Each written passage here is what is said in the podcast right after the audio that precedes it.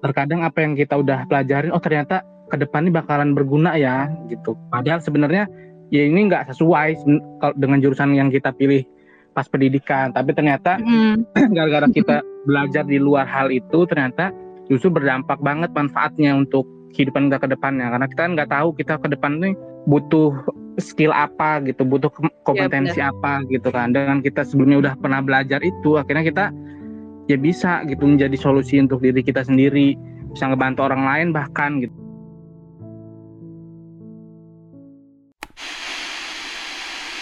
gue Aulia di sini gue bukan orang yang expert, gue mencoba untuk menjadi teman belajar seputar self-improve.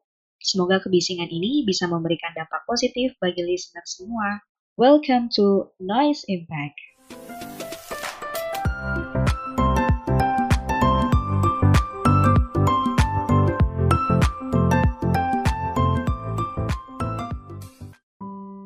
Berarti ini balik lagi ke uh, konsep learningnya kita ya. Ya, udah kan pemanasan tadi oke udah segala macam tadi dan itu ada ada kaitannya juga ya teman-teman dengan uh, tema yang hari ini mau aku coba share tentang lifelong learning gitu. Uh, di zaman sekarang itu menurut aku sih ini penting banget ya urgensinya kita belajar seumur hidup gitu. karena uh, tanpa kita sadari gitu ya. Ada yang namanya artificial intelligence yang beberapa hari kemarin aku sempat uh, baca-baca gitu. Ternyata itu udah ada gitu di sekitar kita kecerdasan buatan gitu kan. Yang kayak misalnya contohnya nih kita mau bayar aja nggak perlu pakai kasir kan. Tinggal hidupin mm -hmm. gadget and then uh, scan barcode nggak perlu ada kasirnya. Udah nggak perlu ngeluarin uang gitu jadi tinggal nanti e-walletnya langsung mengukur ring uangnya udah berkurang segini karena habis beli nah. misalnya beli apa gitu ya di mall atau di mana terus itu langsung dibuat jadi tenaga kerja kasir tuh udah nggak perlu lagi kan. atau misalnya penerjemah bahasa kemarin aku coba-coba ngetik gitu ya ngetik pakai bahasa Inggris itu ada ada tiba-tiba tuh di situ di Google Chrome-nya kita bisa nginstal grammar jadi nggak perlu lagi untuk cari ini grammarnya bener gak sih sama kayak orang-orang yang bisa grammar gitu ya? Itu dia langsung dikasih tahu sama dia langsung ada tanda merah. Ini katanya kurang cocok kamu bisa pilih kata yang ini kalau nggak ini. Wah gitu. Jadi kecerdasan buatan itu udah udah sekarang udah cepet banget gitu berkembangnya kan. Ya. jadi aku kadang berpikir ya berarti yang udah aku pelajarin kemarin-kemarin tuh atau yang udah orang-orang pelajarin bisa cepet usang dong artinya nggak pakai dong. Ya kan manusia kayak belajar gimana caranya untuk dia nerjemahin bahasa ternyata udah ada kecerdasan buatan dalam bentuk aplikasi atau apa gitu ya yang kita install di Chrome ternyata dia udah bisa. Jadi kita nggak perlu lagi untuk uh, nyari-nyari orang yang bisa terjemahin gitu ya. Atau yang mesin-mesin kan sekarang udah banyak industri 5.0 manusia itu udah kayak nggak dibutuhin lagi gitu. Udah Asli. banyak mesin-mesin kan yang lebih penting lagi loh daripada apa tuh? yang kalau AI yang kamu sebutin itu, yang contoh-contoh yang oh. kamu sebutin, AI-nya itu masih termasuk positif. Oke, yang negatif. Tapi ada lagi sebenarnya AI yang negatif. Yang gimana tuh? Kalau kita menyukai sesuatu, kita mengetik aja istilahnya di HP, kita menyukai iya. sesuatu, itu kita akan di support terus untuk menyukai apa oh, objek itu. Dan kalau kita Algoritma. misalnya membenci sesuatu, kita hmm. juga akan diinterest lagi untuk membenci dan membenci terus. Oh gitu. Wow, itu yang bahaya sebenarnya di masa yang sekarang ini. AI. Pesan setiap karena setiap jejak digital kita udah terekam. Iya benar ya, sekali, benar. Itu sebenarnya yang bahaya. Uh, algoritma ya. Uh -uh. Iya kayak benar. Pansen pas ngetik apa gitu, kayak misalnya di Instagram, kok yang kemarin ini terus ya dia tahu banget gitu kan. Iya. Iya, iya, iya dari kalau usah jauh-jauh, ya. kita buka marketplace apa-apa lagi ngeliat apa. Huh? Habis itu buka di apa YouTube ternyata iklan AdSense-nya produk yang kita cari di ini. Iya benar-benar. Di apa namanya marketplace. Marketplace ya, iya iya. Iya tapi itu buat pedagang ini juga support sih? Iya, kalau itu kan yang baiknya. Kalau yang aku ah. buruknya tadi yang itu tadi. Kalau kita suka suka sama sesuatu akan kita uh. kita akan support terus. Lo harus suka ini, suka ini, suka ini. Eh, iya, gitu. jadi secara nggak Tapi kita nggak suka ini, ya. kamu nggak boleh suka ini, nggak boleh suka ini, nggak boleh suka ini. karena eh, ada endorfin, eh, endorfin kita juga dibuat sama di, mereka kan iya iya benar-benar jadi kayak ketagihan pengen buka sosmed ah, lagi bener. gitu ya pengen belanja lagi pengen lihat itu dia lagi. bahaya. Oke oke iya oke jadi teknologi bahaya ya? Ya kan ada memang semua ada bahaya sama baiknya. Tergantung kitanya aja menanggapinya. Benar, berarti self control kita ya yang harus iya. ini ya oke. Okay. nah itu.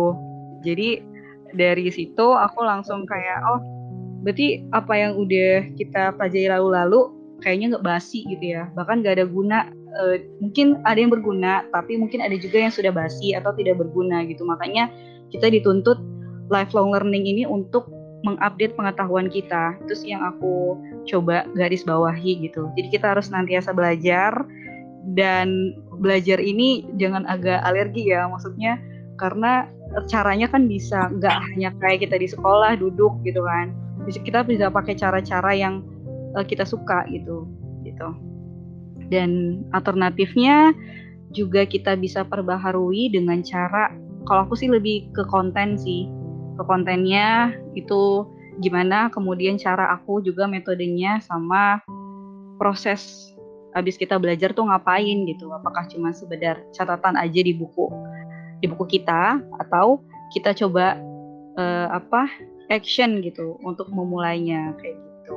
Sama kayak waktu uh, aku waktu pandemi kemarin itu ngerasa banget oh jadi aku pelajari kemarin tuh berguna ya. Jadi kayak misalnya um, kayak aku suka ngedit-ngedit gitu kan ngedit-ngedit gambar atau ngedit-ngedit uh, video atau suka ngedit-ngedit audio. Itu awalnya sebelumnya hanya kayak iseng aja sih iseng aja hobi gitu. Ya udahlah maksudnya uh, karena suka gitu kan suka-suka. Awalnya tuh dari yang kayak, kayak dulu ya. Uh, uh, awalnya tuh kayak kayak kayak apa ya uh, ingin tahu aja ih dia bisa ya? Ini lucu kayak gitu. Terus abis itu aku coba dalemin otodidak aja sih nggak ada belajar belajar di mana coba dalemin. Ternyata dari kita pingin tahu doang jadi kayak banyak ketemu ketemu oh oh ini aplikasinya oh ini caranya begini. Ngalir aja kayak gitu. Itu aku oleh oh sekedar hobi aja lah gitu. Di samping tugas utama kita atau peran utama kita ya peran utama aku. Jadi aku ya kayak gitu. Dan pas pandemi itu baru bener-bener oh kemarin yang aku pelajarin tuh berguna. Khususnya buat aku yang memang kerja di dunia pendidikan ya. Jadi banyak teman-teman itu yang bingung gitu harus kayak gimana? Dan ini satu adaptasi yang baru buat mereka untuk menggunakan teknologi gitu. Dan aku nggak rasa oh oh berarti ada gunanya juga gitu ya uh, belajar sesuatu yang kita anggap nggak berguna maksudnya untuk profesi kita tapi ternyata itu guna juga gitu. Ada yang pernah kayak gitu nggak? Jadi uh, cuma belajar belajar doang tapi ternyata itu jadi satu passion gitu. Kenapa ya? Uh, kalau sekarang gitu melihat dunia kerja sekarang dibilang jauh banget dari jurusan ya gitu kan. Terus juga, iya beneran. Terus yeah. jadi iya. kayak belajar oh kita nggak bisa idealis idealis banget gitu ya ketika ada sesuatu yang di depan mata ya udah. Itu mungkin satu peluangnya dan di, situ passionnya di situ tempat berkontribusinya jadi jalanin aja gitu. Ya setuju itu dengan kata-kata peluang. Gue setuju. Benar-benar. Sebenarnya. Di depan ada apa ya ya itulah yang dijalanin. Balik lagi iya. ke tadi ya. Zaki mau mau ini sampein sesuatu boleh nyimak dulu nggak nyimak dulu Oke, nyimak dulu. Ketara banget loh Jogjanya ya. Ini Jogja juga loh, Rido. Tadi siapa Rido ya? Iya, cuman kan tinggalnya di Lampung. Oh gitu. Jadi Bandar Lampung. Ada teman Jogja juga tuh. Iya Rido ini Zaki dia anak Jogja juga. Rido teman Do. Omongan. Oke. Okay. Lagi pandemi jaga jarak. Tapi dari sini kita sepakat gak sih kalau misalnya yang namanya lifelong learning itu memang perlu gitu? Memang harus bukan perlu. Memang harus nah perlu harus ya Ahmadi ya kenapa? Menurut Ahmadi? Ya kalau nggak belajar ya ditinggal. Iya benar. Kalau menurut teman-teman lifelong learning itu apa? Definisi dari apa sih? Kan kita biasanya back to definisi ya. Emang artinya itu apa gitu? Hmm. tentang yang tadi apa lifelong learning. Jadi kalau apa ya, ya aku kan sebagai kegiatannya ngajar di pondok pesantren gitu. Ini Ustadz guys. Itu emang enggak, dia cuma dua nggak Ustadz kalau dia di pondok. itu karena memang uh, tujuan-tujuan ya entah santrinya atau ustadznya itu kan berada di pondok pesantren tuh buat ya belajar ya meskipun guru-guru kan juga tetap harus belajar kan ya karena yeah. karena memang pedoman buat kita semua itu kan kalau di dalam bahasa Arabnya itu kan tolabul ilmi faridotun ala kulli muslimin minal mahdi ilalah di kan gitu. Eh, Masya Allah. Belajar, belajar menuntut ilmu itu kan itu kewajiban kewajiban bagi tiap muslim dari lahir sampai sampai meninggal sampai sampai sampai masuk lahat itu uh, kewajiban kita khususnya lebih-lebih bagi yang muslim itu kan uh, belajar. Belajar itu kan memang adalah sebuah sebuah kewajiban. Berarti bukan cuman bukan cuman kegiatan tambahan gitu. dan dalam bela belajar pun itu kan luas gitu loh. Kita mau belajar apa aja kan bisa tuh. Khususnya yang wajib itu kan memang belajar ilmu Quran ilmu uh, hadis itu Quran hmm. dan Sunnah kan itu. Itu yang memang jadi yang jadi penting gitu penting penting dalam dalam ya yang yang harus kita kita jalani lah gitu. Jadi memang uh, kita harus pintar-pintar milih lah pintar-pintar milih. Di samping memang kita punya passion tersendiri tapi kita nggak boleh mengesampingkan bahkan menganggap tidak penting yang namanya belajar Quran dan uh, dan hadis gitu Quran dan Sunnah khususnya bagi yang Muslim gitu kan ya. Jadi iya, memang uh, lifelong learning itu adalah kewajiban kewajiban bagi tiap individu gitu dari mulai apa kandungan ya sampai dengan liang lahat gitu kan iya. ya Okay. Dari dari yes. kita bayi kan itu kita kan udah mulai belajar kan dari dengar uh, orang tua kita gitu terus kalau bahasa Jawanya itu ngudang gitu kak apa mm -hmm.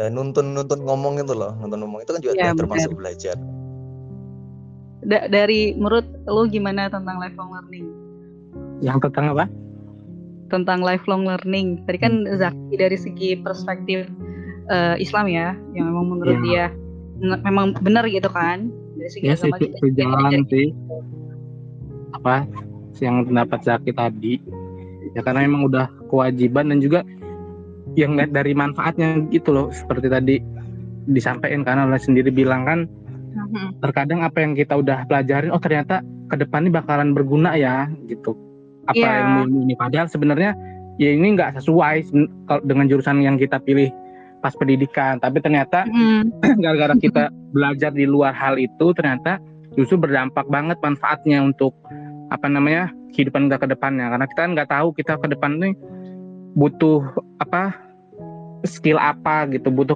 kompetensi ya, apa gitu kan. Dengan kita sebelumnya udah pernah belajar itu akhirnya kita ya bisa gitu menjadi solusi untuk diri kita sendiri bisa ngebantu orang lain bahkan gitu kan ketika pas tadi ditanyain kawan-kawan yang sebelumnya nggak paham nggak ngerti cara buat ini cara buat itu gitu.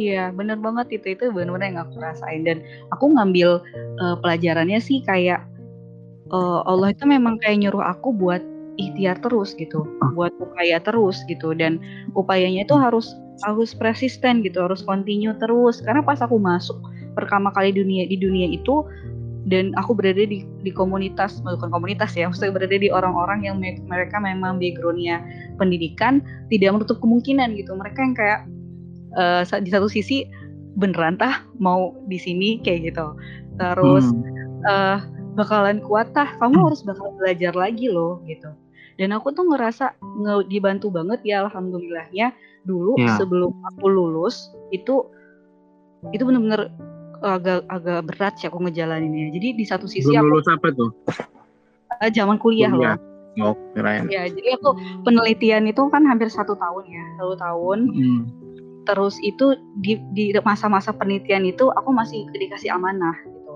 maksudnya masih di amanah di LDK hmm. gitu kan dan nah. itu amanahnya yang luar biasa ya aku harus ngurusin uh, maba-maba maba-maba hmm. dengan Excel Excelnya belum lagi itu uh, lembaga yang ibaratnya agak penting karena karena itu ngebahas masalah pendidikannya gitu Jadi Ya. aku harus tahu manajemen pendidikannya, kurikulumnya, terus Mm-mm. ada berbagai macam nama-nama mereka dengan nilai-nilainya. Aku harus berhubungan dengan para eh, dosen-dosen kayak gitu. Nah dari situ aku dapat dapat satu pengalaman dan ketika aku di dunia kerja sekarang, oh ini mah hampir sama gitu. Iya. Aku harus, harus manajemen Udah pernah melewati hal-hal Oh, itu. udah gitu kan. udah bukan eh, kayak gitu. Jadi oh oh ternyata ada baiknya ya Jadi gitu. ngerasa Kemarin kayak berguna. Mm-mm. Heeh, lebih ngerasa kayak kayak berguna kayak gitu. Jadi nggak ada ruginya ternyata ketika kita eh, berada di satu eh, satu hal yang itu ngajarin kita banyak hal gitu. Kita bisa ngembangin diri, terus kita bisa meningkatkan daya saing, sama kita bisa meningkatkan kemampuan kerja. Jadi aku pas di sana itu ada salah seorang temen aku yang sempat kaget gitu kan. Kamu tuh kamu tuh backgroundnya bukan eh, education ya, tapi kok kamu lebih pinter sih dari mereka gitu. Jadi aku yang iya tak perasaan aku biasa aja gitu. Cuman ada pengakuan dari temen aku yang kayak gitu gitu. Jadi eh, ngerasa ini sih, ngerasa apa? Oh berarti Allah itu kasih kita disuruh ikhtiar terus, suruh belajar terus. Awalnya sih kayak, ih apa sih kok kok hidup aku beda sih sama mereka yang bisa jalan-jalan, bisa Hmm. bisa main sosmed, bisa segala macam. Sedangkan waktu aku tuh sempit banget kayak gitu. Ternyata itu gitu, nggak boleh suuzon dulu ya. Iya, karena kita belum nemuin aja pas kita udah ngerasain manfaatnya. Oh gini. Dan juga Iya, akhirnya bener. timbul rasa bersyukur. Oh untung ya gue saat itu nggak kayak yang lain misalnya apa yang ngabisin waktu banyak hal yang nggak kurang Iya, bermanfaat. have fun, senang-senang kayak gitu. Gitu, Ada itu kebaikan. jadi ada kebaikannya gitu kan. Jadi artinya eh, lifelong learning itu upaya atau ikhtiar yang kita terus belajar dan kita persisten gitu. Maksud aku eh, terus kita punya satu alasan yang kuat kenapa sih kita pingin ngembangin diri kita, pingin ningkatin daya saing kita sama eh, supaya Iya. kemampuan kerja kita itu lebih ini dan ini berlaku untuk menurut aku setiap lini ya baik itu sisi hubungan kita sama Allah target-target apa amal ibadah kita yang kita tadi tujuannya surga pun sama dengan dunia karena kita kan harus balance kan ya Allah bilang kan hablum minallah hablum minanas kayak gitu kan nggak boleh yang kita em, apa di masjid aja beribadah tapi di satu sisi Iya. kita tidak Tapi tidak melupakan sosial dunia. kita. Hmm, kayak gitu atau ada apa sih? Aku nggak tahu peribahasa atau bukan yang bilang eh, kamu itu di dunia seolah kamu hidup selamanya gitu. Tapi kamu eh, fokus ke akhirat untuk seolah kamu mati besok. Iya nggak sih? Ada nggak Zak kayak gitu Zak? Apa eh, ada apa eh, Jibril tuh perkataan oh gitu. Gimana tuh? Perkataan Jibril kepada Rasulullah. Apa eh, kita tuh apa ya? Ya kayak seolah-olah seolah-olah kayak kayak diberi kebebasan tapi tapi ya ini ada konsekuensinya gitu. Kamu bakal mati gitu. Nanti ujungnya juga bakal mati gitu. di dunia tapi nggak boleh seenak-enaknya gitu ya. Mm-mm. Oke, kalau eh, kalau di surat al-kahfi itu kan ada paman sa'afal yu'min wa man sa'afal yakfur kalau mau iman iman kafir kafir tapi nggak boleh salah artikan ya bukan dalam arti. Itu Hmm. tetap emang ada semua ada konsekuensinya gitu. Iya iya benar. Nah itu ya. Luar biasa banget ya Islam ya. Jadi Benar. di satu sisi kita disuruh ngembangin diri kita dari sisi duniawi tapi di sisi lain kita juga eh, harus tahu gitu kita nggak bisa seenak-enaknya gitu di muka bumi ini karena ada peraturannya gitu ya. Kayak kalau di lalu lintas kan ada apa rambu-rambu ya rambu-rambu gitu kapan harus berhenti gitu. Sama pun dengan kontrol diri sih menurut aku. Self control gimana kita bisa ngontrol diri kita itu sama kayak kita naik kendaraan gitu. Kapan kita harus nggak kan kendaraan tuh nggak ngegas terus ya. Kalau ngegas terus kan bisa nggak selamat kayaknya sampai tujuan gitu. Ada saat-saat di mana dia harus ngerem ada saat-saat di mana dia harus gas banget gas kecil kayak gitu kan. Baru dia bakalan selamat nih sampai dengan tujuan jadi yang namanya self control atau mengendalikan diri itu penting gitu kan kapan kita harus bisa untuk gas, kapan kita gasnya kecilin, kapan kita ngerem, baru kita bisa sampai tujuan kita dengan dengan baik gitu. Nggak bisa seenak-enaknya aja semau mau kita ya nggak sih? Iya, ada aturannya kita gitu. intinya ya itu kan buat memupuk diri kita terus juga kita tuh i- jadi kayak kalau misalnya kita salah satu mungkin tapi tapi nggak nggak semua orang bisa sih. Dalam arti nggak semua orang cocok gitu. Eh, kita harus merasa bodoh gitu kalau kita pengen nyari ilmu pengen biar biar biar, biar belajar itu tuh harus harus sesekali itu ngerasa bodoh sehingga kita hmm. uh, cari tahu gitu. Iya benar tuh. Jadi di satu sisi mungkin tertarik interest sama kita harus ngerasa bodoh gitu ya. Jadi kita bakalan cari tahu. Oke. Okay. mm -hmm. sama yang kedua nih menurut aku tuh empati. Empati itu jadi kayak kita lebih open minded ya kita lebih kayak ngebuka pikiran kita yeah. sama ngebuka hati kita gitu. Karena ketika kita buka hati sama buka pikiran karena di satu sisi kita punya rasa ingin tahu. Jadi yang pertama kan rasa ingin tahu nih. Rasa ingin tahu itu kayak nyimbangin gitu loh. Karena manusia ini kan di satu sisi dia harus bertumbuh, maksudnya nambah skillnya, nambah pengetahuannya, baik itu tentang dia mengenal Tuhannya, mengenal agamanya, ataupun mengenal tentang dunianya. Di sisi lain, kita nggak mungkin dong cuma tumbuh aja, tapi kita tidak berbuah, kemudian buah kita tuh tinggal nggak berikan manfaat ke orang. Dalam artian di sini berkontribusi gitu. Jadi biar kita balance, menurut aku kita harus bertumbuh sama berkontribusi. Bertumbuhnya di sini kita nambahin ya tadi tuh nambahin skill kita pengetahuan kita. Di sisi lain kita hmm. harus kontribusi juga. Apa pun yang kita yeah. dapat kebanyakan orang kan eh ngapain lo nge-share nge-share ilmu kayak gini? gitu. Buat apa? Nanti orang jadi niru segala segala segala. Orang bisa ini enggak sih insya Allah kita bakalan bertambah gitu ya ilmunya. Karena kita uh, memberikan sesuatu ke orang lain yang berkontribusi gitu kan. Baik yeah. itu kontribusi ke organisasi menurut aku nih buat mungkin masih ada mahasiswa ya atau mungkin udah ini terus juga di pekerjaan kita kan berkontribusi. Kita jadi punya misalnya pengalaman kerja uh, setahun dua tahun itu kan sudah kita mengasih kontribusi gitu ke perusahaan tersebut. Jangan kayak kayak orang gila kerja gitu ya masuk kontribusi aja tapi dia lupa untuk nambah skill. Dia lupa untuk uh, belajar sesuatu yang bisa ningkatin skill dia yang penting dia kerja aja. Ada tuh teman aku yang kayak gitu yeah. jadi oh, oh jadi tuh kayak lupa lupa diri untuk aduh bisa bisa aja dong di di maksudnya berkata di perusahaan gitu ya tapi dia nggak nambah skillnya kayak gitu. Makanya ada perusahaan-perusahaan kan yang kayak oh ada training nih ada pelatihan itu yang bagus kita bisa dapat satu hal baru gitu. Sama ya bertumbuh tadi gitu. Terus kita improve diri kita tentang diri kita gitu ya uh, yang nanti tujuannya itu tadi untuk terus lifelong learning gitu. Nah, rasa ingin tahu ini menurut aku cocok ketika dia ketemu sama empati empati itu kan kita jadi ngebuka pikiran ya. Kita membuka iya, pikiran ya, buka hati kita. Iya buka pikiran buka hati kita. Uh, kayak gini kalau misalnya kita ngajak orang ngomong nih dialog kayak gini ya misalnya aku sama Dharma atau sama Zaki kalau orang yang nggak empati is ngapain? Oh oh sekedar CTA lah cukup tahu aja. Oh berarti lo yeah. lo kayak gitu ya di tempat kerja lo. Oh ya udah gitu tapi kalau orang empati kan eh kok bisa sih kayak gitu? Terus cara lo gimana buat gini? Kita jadi kayak dapet satu hal yang lebih bermakna nggak hanya sekedar CTA gitu cukup tahu aja. Tapi dapat oh gimana gimana strongnya dia gitu gimana kuatnya dia ada di situ terus gimana dia bisa bisa sepresisten itu gitu kan dengan kondisi dia. Kita dapat satu makna oh dapat dapat dapat insight lah menurut aku daripada cuma sekedar kita tahu doang. Oh CTA oh ya udah. Nah itu menurut aku orang yang nggak empati. Maka di empati di sini lebih kayak ngebuka pikiran sama hati. Kita sandingin gitu ya kita temenin sama rasa ingin tahu.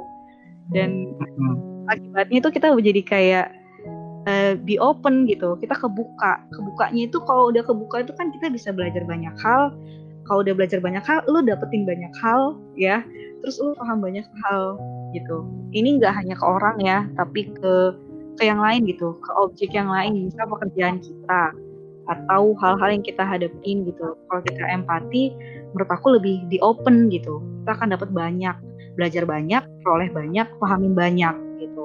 Sama sama tadi yang Zaki bilang sih, uh, kita kayak bodoh dulu aja. Jadi kayak pikiran pemula.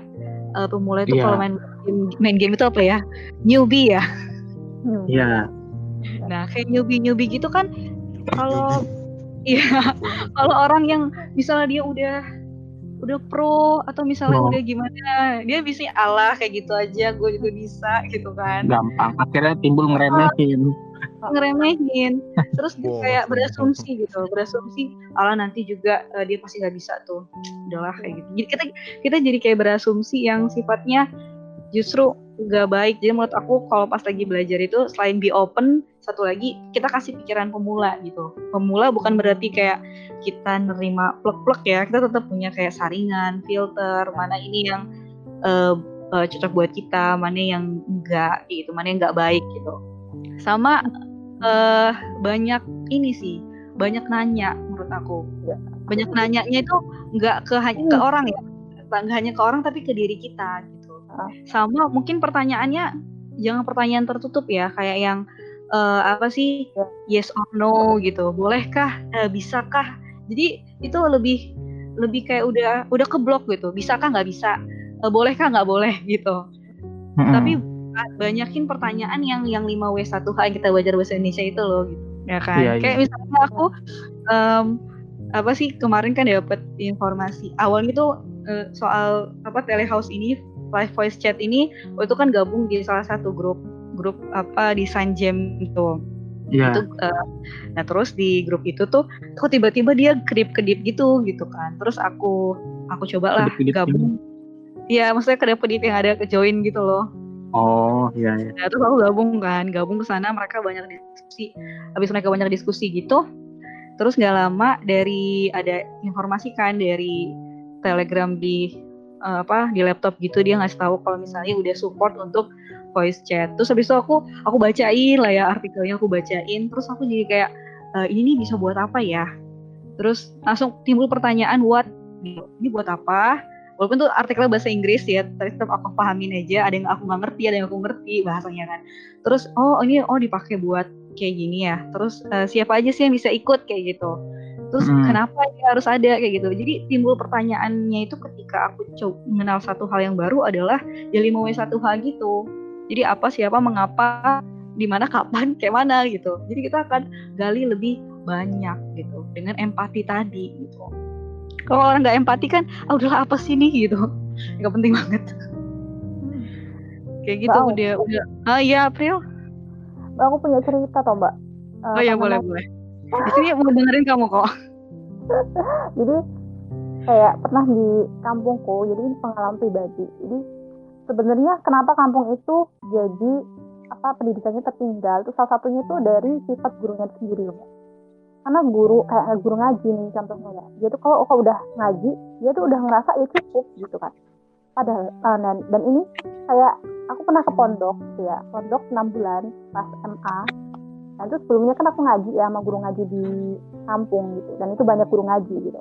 Pas aku di pondok itu benar-benar salah semua bacaanku. Sampai tutorku tuh ya Allah mbak nggak sabar. Nggak sabar ngajarin aku. Sampai nanya kamu selama ini ngaji nggak sih? Padahal selama ini aku tuh ngaji dan itu ternyata adalah uh, jadi guru-guru kita yang biasanya itu kalau udah jadi guru itu udah cukup gitu ya dengan pengetahuan kita padahal kita sebenarnya perlu vaksin yang berkelanjutan gitu. Eh, mbak kan jelas, jelas nggak sih mbak suaraku? Jelas jelas jelas. Jelas jelas. Itu dia ini ya udah tua apa masih muda tuh? Ya ada yang tua ada yang muda. Jadi uh, level jadi orang Indonesia itu kebiasaan dengan overprice. Jadi apa namanya bangganya berlebihan gitu dengan pencapaian. Mm, mm, mm, iya iya. Penyakit banget buat buat ya ini ter terutama untuk para pendidik ya. Iya benar-benar. Yang yang sering ditemuin di lapangan itu biasanya kalau orang jadi guru itu tuh nggak mau nerima loh apa namanya muridnya tuh ada kan kita pasti temuin lah kalau misalnya kita jadi tutor ada yang lebih pintar daripada kita dan itu kita tuh kadang tuh malas menerima itu gitu loh. Nggak mengapresiasi. Tapi kita memperlakukan tuh sama rata. Padahal mah sebagai pendidik tuh seharusnya kita tuh nggak yang nggak nyama ratain. Sama rata-ratanya. Ya beda loh kapasitas orang gitu kan. Harusnya gitu gitu. Masa nggak sih bang gitu? Oh, ngerasa sih pernah juga. Um, kalau aku kan uh, sedikit-sedikit uh, sekarang lagi belajar tentang ilmu pendidikan juga ya. Jadi um, memang seharusnya di dalam kelas itu sebagai seorang pendidik kalau dia modelnya diskusi ya diskus gitu misalnya di dalam grup gitu. Di grup kemudian ada satu grup yang memang menonjol gitu ya. Kalau dia sesinya memang lagi lagi menampung gitu dia nggak boleh langsung spontan gitu kayak membenarkan atau menyalahkan gitu. Dia dia tampung dulu kemudian nanti baru di akhir sesi itu biasanya baru dia jelasin gitu. Mana yang benar uh, mana yang salah dan kalau bentuknya diskusi emang nggak ada yang benar yang salah sih cuman kalau itu kan kadang ada yang ngelantur ya mesti di luar konsep nah itu yang yang harus di, dilurusin gitu nah soal apresiasi hmm. itu emang, emang perlu banget gitu hmm. karena dengan apresiasi itu di satu sisi si anak tersebut ngerasa bahwa oh saya diakui ya gitu. Maksudnya dia diakui oleh oleh gurunya kalau misalnya dia itu masih uh, lebih gitu. Bukan lebih ya, gimana ya? Um, hasil belajar dia itu diakui. Kemudian yang kedua, manfaatnya buat motivasi sama teman-teman di kelas gitu. Dengan adanya apresiasi tersebut. Jadi ada apresiasi itu emang perlu banget gitu. Kalau dia hanya menyamaratakan aja padahal anak itu juga punya kapasitas kalau menurut aku seharusnya nggak kayak gitu gitu tapi diapresiasi juga gitu selain buat um, anak itu merasa bahwa diri dia ada dan dia diakui gitu ya. Yang kedua untuk motivasi teman-teman di kelas gitu sih. Jadi yang tadi yang pertama kita harus punya namanya curiosity rasa ingin tahu. Yang kedua kita harus bisa empati ya. Maksud aku tiga hal ini sama yang terakhir uh, passion. Nah bicara soal passion menurut teman-teman passion itu apa sih? Passion tuh apa ya? Uh, kalau yang aku rasain sendiri tuh. Passion tuh berawal dari hobi apa? Oh. Karena karena oh. sering apa sering ngelakukan gitu. Kayak apa ya bisa bisa dibentuk gitu loh. Kalau yang yang aku rasain tuh. Misalnya pengen pengen punya bisa dibentuk. visi mm -hmm. di, uh, punya pengen apa seneng gambar atau mungkin seneng edit edit gitu. Itu berawal ya ya tetap ya tadi dari dari empati itu juga. Nah, terus dari situ sering dilakukan jadi hobi lama-lama ya jadi skill tersendiri kegiatan yang dilakukan secara terus menerus ya Ahmadi kegiatan dilakukan terus acara terus menerus ya bener banget tapi enggak nyiksa kan? Ya kan kita udah interest sama satu tadi. Itu ya poinnya ya interest hmm. kemudian lakuin terus ya. Lakuin kalau misalnya interest tapi nggak dilakuin ya mau nggak jadi apa-apa juga. Oke okay, ya, terus nih dia udah ngelakuin jadi dia udah interest terus dia udah ngelakuin juga. Tapi pas dia coba eksperimen ibaratnya uh, itu diterima nggak di masyarakat gitu itu dia dia ngerasa dia gagal gitu. Kayak misalnya dia dia pelukis dia suka ngelukis. Tapi pas lukisan dia itu dicoba gitu ya ada yang mau beli apa enggak tuh enggak gitu. Terus setelah penulis dia suka nulis dia nulis banyak tapi ternyata itu nggak laku-laku di penerbit gitu. Hmm. itu passion bukan sih? Ya itu kan kembali proses. teknisnya. Iya proses, proses atau teknis. Kalau misalnya dia bisa mau apa namanya ngelukis tapi dia sendiri megang kuas gemeter apa gimana ya dia bisa nganuin itu dulu nggak gitu? Jadi kalau udah uh, passion dan udah continue terus terus pasti jadi gitu kan. Walaupun nanti ada gagal-gagalnya itu proses ya. Ya semuanya ya pasti ada proses ya. Tetap mengukur kemampuan juga. Mengukur kemampuan juga oke. Okay. berarti uh, kalau kita gagal baiknya gimana? Terus jalan terus atau cari passion lain? Hmm jalan apa? Cari ya? solusi. cari ya, solusinya tetap ngejalanin passion yang ada atau di, di, cari passion di, lain? di rondon lagi apa kesalahannya apa kekurangannya misalnya dia kekurangannya di A bisa nggak dia membenarkan yang A itu bisa nggak oh, dia gitu. apa istilahnya menggantikan dengan apa namanya konsep B atau konsep C atau D dan lain sebagainya. Oke. Okay. Berarti tetap jalan terus ya. Kemungkinan ganti ada nggak kira-kira nih? Ganti passion lain lah gitu. Ada, ada pasti ada. Ya, kaitannya ya, sama ada. interest tadi itu kan bagaimana ya. seseorang tuh menikmati dengan apa yang dia lakukan. Satu bangunnya dia lah ya. Iya hmm. benar. Jadi bisa disimpulin bahwa passion itu tumbuh dari kita nemuin bakat bawaan, terus kita kemudian ngelakuin penguatan penguatan penguatan ya secara positif terhadap uh, passion atau bakat kita tersebut oke okay. uh, eh, passion itu nggak harus yang kayak misalnya ya tadi itu ya. Artinya banyak juga orang di dunia ini yang mungkin pendidikannya apa and then dia uh, berprofesinya sekarang juga sebagai apa kayak gitu kan. Jadi uh, dikatakan terlalu idealis mungkin kita jangan gitu ya. Supaya kita bisa melihat peluang kita ada di mana dan mungkin passion kita ada di situ gitu. Dan buat yang lalu-lalu sih menurut aku nggak usah disesalin. Pasti nanti akan ada manfaatnya juga buat buat kita gitu sama sekarang mungkin untuk terus ningkatin passion kita kalau menurut aku sih hargai waktu ya hargai waktu kita sama kita fokus untuk gimana caranya membantu diri kita ini untuk tumbuh gitu. Terus lingkungan menurut aku ini pengaruh banget lingkungan. Jadi kita harus punya misalnya ada circle-circle kita banyak ya mungkin ada orang-orang yang uh, hedon ya suka senang-senang terus ada orang yang mungkin agak strength ya sama kita misalnya terlalu mempressure kita kita harus juga punya circle lingkungan yang itu lebih nge-push kita untuk lebih banyak lagi atau lebih ngedorong kita lagi untuk uh, ayo dong tingkatin passionnya kayak gitu. Menurut aku butuh banget sih kita menghargai waktu sama lingkungan itu gitu. Karena uh, manfaatnya akan banyak gitu. Ketika kita bisa menghargai waktu sama lingkungan tadi yang mendukung, kita bakalan melihat sesuatu tuh by konteks. Konteksnya apa nih?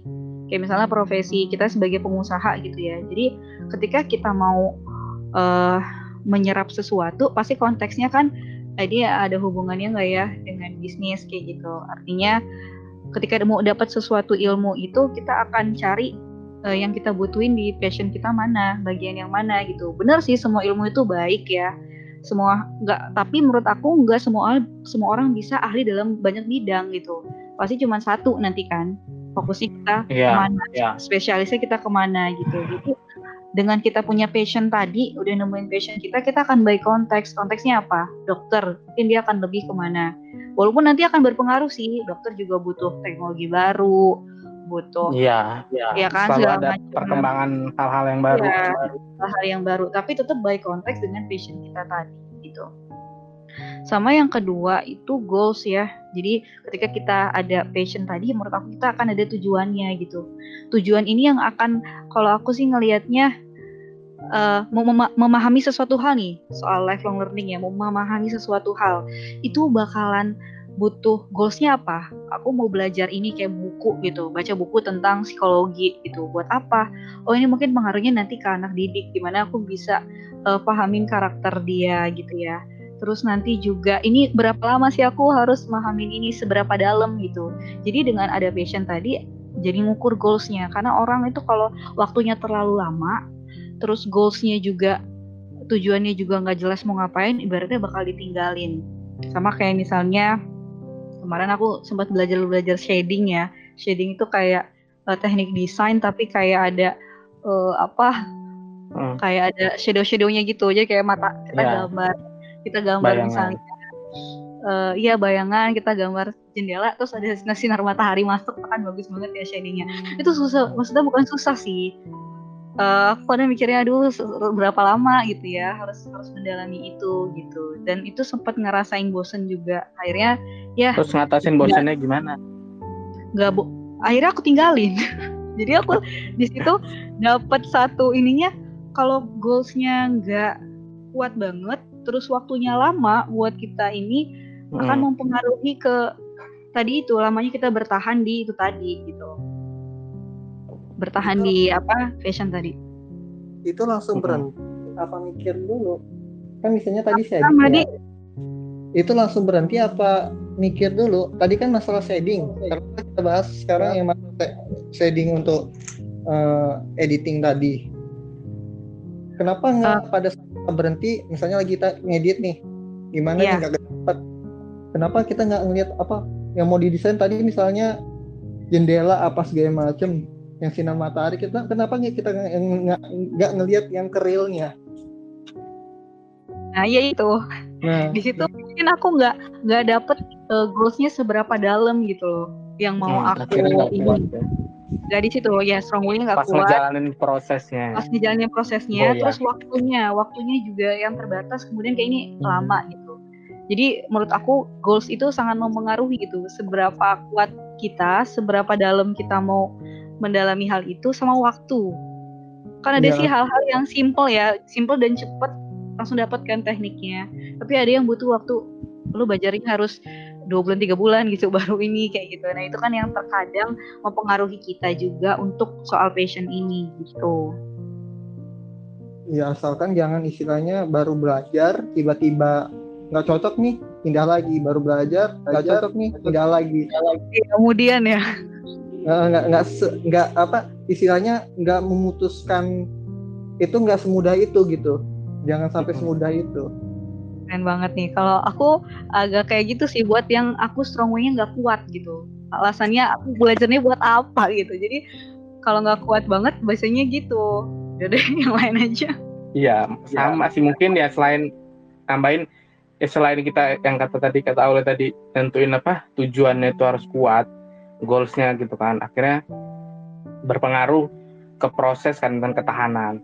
Nah mungkin bisa ditambahin juga terkait ya buat perencanaan apa detail dari tujuan yang kita buat itu. Kan kalau dalam manajemen kan setelah kita udah membuat tujuan kan otomatis kita nentuin juga sih cara-cara kita untuk mencapai tujuan itu. Nanti di breakdown lagi sampai yang mungkin hal apa mendasar gitu terkait planning kita harian kita mau ngapain planning apa kegiatan kita ABC terus sumber daya yang dibutuhkan untuk mencapai goals itu harus apa aja yang dibutuhin gitu mungkin di situ ya. juga yang mesti apa kita kuatin juga di perencanaannya. Iya bener sih, karena ya tadi tuh strong way-nya nggak kuat, jadi pas kamu mentok, waduh susah, itu kabur. Nah, gini, uh, bener bisa juga kan, karena ketika kita ngeliatin proses itu di awal kita ada mungkin kurang analisa kalkulasinya. Oh ternyata untuk mencapai goals ini kita itu harusnya ngebutuhin apa kemamp ketahanan dalam hal ini. Oh ternyata pas kita di awal tuh mungkin kita kelewatan dalam hal menganalisa diri kita nih. Oh kita ini orangnya nggak ketahanan loh terhadap yang waktu lama misalnya atau bosenan segala macem akhirnya karena faktor ini terlewat kita perhitungan di awal nah ketika menjalankan proses akhirnya stuck di situ ya bener banget sih tuh mm -hmm. uh, di metode juga pengaruh ya Iya. Maksudnya metode ini dalam artian cara aku belajar atau cara kita belajar ya gak sih? Kan ngebosenin tuh berarti cara belajar aku mungkin nggak enak ya. Jadi aku ada tiga. Nah, berarti ada di metode karena aku kan cuman mungkin uh, lihat-lihat tutorial tapi nggak langsung ke uh, gurunya. Bisa jadi itu jadi pengaruh ya. Ya nggak metode? Salah satu contohnya gini Aulia. Gimana tuh? Aulia nggak suka yang lama cari pembelajaran yang cepat mudah dan cepat itu kan iya, bisa di, bener. bisa di roundot dulu mau belajar apa ini ya yang bener yang tadi siapa Mas Dharma Iya. Nah, berarti metode metode juga ya nggak sih? Iya. Nah, sama yang berikutnya nih aku sempet ini juga sih kayak feedback kita feedback itu yang tadi udah uh, Ahmadi sama Dharma jelasin uh -huh. gitu. Jadi pas uh, gagal atau salah yang nggak berhasil tadi itu kan kita harus evaluasi kan langsung refleksi diri uh, mana yeah. yang salah mana yang gagal mana yang kurang ya kan? Hmm, benar, jadi benar. di feedback kita dapat terus kalau salah uh, tanyain ke ahli ataupun harus cari alternatif lain yang kira-kira itu ya, um, masih bisa nggak sih kita tadi lakuin. itu oh kamu lebih suka yang cepat berarti harus cari uh, metode yang cepat gitu. Maksudnya yang cara belajar cepat gitu atau cari hal yang jauh lebih cepat yang nggak butuh waktu lama gitu. Jadi di feedback itu juga perlu sama mungkin terakhir gitu ya dari semua hal yang udah kita bahas tadi adalah menurut aku tuh take action gitu. Jadi langsung ngambil actionnya. Kita harus mulai itu semua ya dari diri kita sendiri kemudian dari sekarang. Jadi ada tiga hal yang harus kita uh, punya yaitu yeah. curiosity rasa ingin tahu empati sama passion. Mungkin yeah, dari teman-teman yang lain ada yang ingin ditambahin hmm. tentang lifelong yeah. learning uh, mungkin yang mau nyampe uh, closing statement kali ya dari teman-teman gimana tentang kesimpulan kita untuk brainstorming hari ini jadi siapa Dharma dulu nih apa siapa nih siapa Dharma dulu. ya kalau boleh nanti Dharma, nanti Ahmadi, Zaki. Live, lifelong, iya. Mungkin dari tadi yang kita diskusin ya secara inti kita oh. pertama apa namanya bagaimanapun status kita gitu kan terlepas kita udah nggak pendidikan formal lagi misalnya saat ini ya tetap kita nggak boleh berhenti dalam belajar gitu kita adaptasi gitu dengan perkembangan zaman. Karena ya mungkin hal-hal yang akan kita pelajarin sekarang ini nanti ke depannya bakal berguna juga buat untuk kita gitu. Jadi jangan jangan kita berpandangan eh udahlah gue nggak usah ngikutin ini nggak usah belajar ini gitu. Jangan pikiran kayak gitu tapi lebih ke selagi kita punya waktu sekali selagi kita apa ada minat ada passion di situ kita ngerasa oh ketika kita belajar ini ke depannya bisa bermanfaat ya kita lakuin gitu. Mungkin itu sih yang akhirnya ngebuat kita selama hidup kita dari sekarang nanti sampai meninggal nanti ya kita tetap terus belajar gitu. Mental pembelajar itu akan tetap ada di diri kita. Itu aja yang lain gimana? Saya mikir nggak apa-apa sampai sampaiin aja. Ya kalau masalah lifelong learning itu kan juga ya berkaitan juga dengan uh, memanfaatkan waktu uh, lebih-lebih kan kan sesibuk-sibuknya orang tuh pasti juga ada waktu longgarnya. Nah gimana caranya kita bisa memanfaatkan waktu yang longgar itu dengan hal yang positif? Dengan apa namanya ya belajar belajar apa pun itu entah itu ilmu ini ilmu itu ilmu agama atau ilmu yang umum. Itu kita ya kalau memang itu bukan bukan dalam arti kita misalnya orang kerja terus nggak ada waktu belajar tapi ketika ada ketemu waktu kosong longgar itu kita sempet sempetin belajar gitu. Kayak misalnya uh, dalam seminggu kita punya hari kerja lima hari gitu katakanlah gitu terus hari Sabtu Minggu kita longgarnya cuman itu ya alangkah lebih baiknya kita menggunakan waktu itu sebaik-baik mungkin bagaimana caranya waktu kosong itu tetap menjadi manfaat dan menjadi syukur-syukur menjadi pahala buat kita semua. Yang gitu aja. Nih masya Allah super banget nih. Ahmadi masih di sini? Sih cukup cukup. Oke. Okay. aku ngucapin makasih banget thank you karena udah mau gabung di sini. Gimana? Perasaannya gabung di sini yang gak jelas ngocapin gak jelas. Nggak apa-apa lah anak. Ganggu videoin sama Aulia gitu ya. Nggak jelas tapi terarah asik. Nggak jelas tapi terarah. Waduh ini uh, negatif tapi ada positifnya gitu ya. ini kan spontanitas. Ini Rido, Rido, Rido ini temennya Dharma ya apa gimana sih iya kita teman sebangku dulu oh gitu waktu zaman kuliah SMK sih Oh SMK. Oke, berarti tahu dong siapa yang nanya ke Dharma soal pertanyaan itu? Enggak, cuma dikasih kisi-kisi aja. Oh, dikasih kisi-kisi aja. Oke. Oke, oke. Yaudah, makasih banget ya buat teman-teman. Ya, uh, udah mau sama. join di brainstorming kita pada malam hari ini ngebahas masalah life learning. Semoga dapat insight-nya.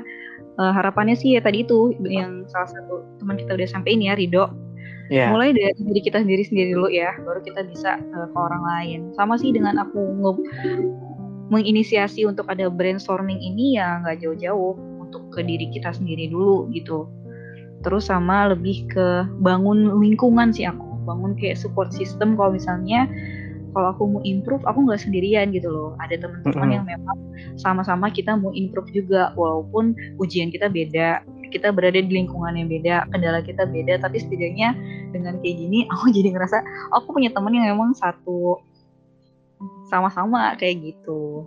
Karena tadi udah dikasih closing statement juga, terus juga kita yeah. udah dapet ya kesimpulannya. Jadi acara yang terakhir yaitu kita closing penutupan kita. Harapannya aku sih nggak hanya sampai di sini gitu ya, tapi kita bisa ada untuk next next event selanjutnya.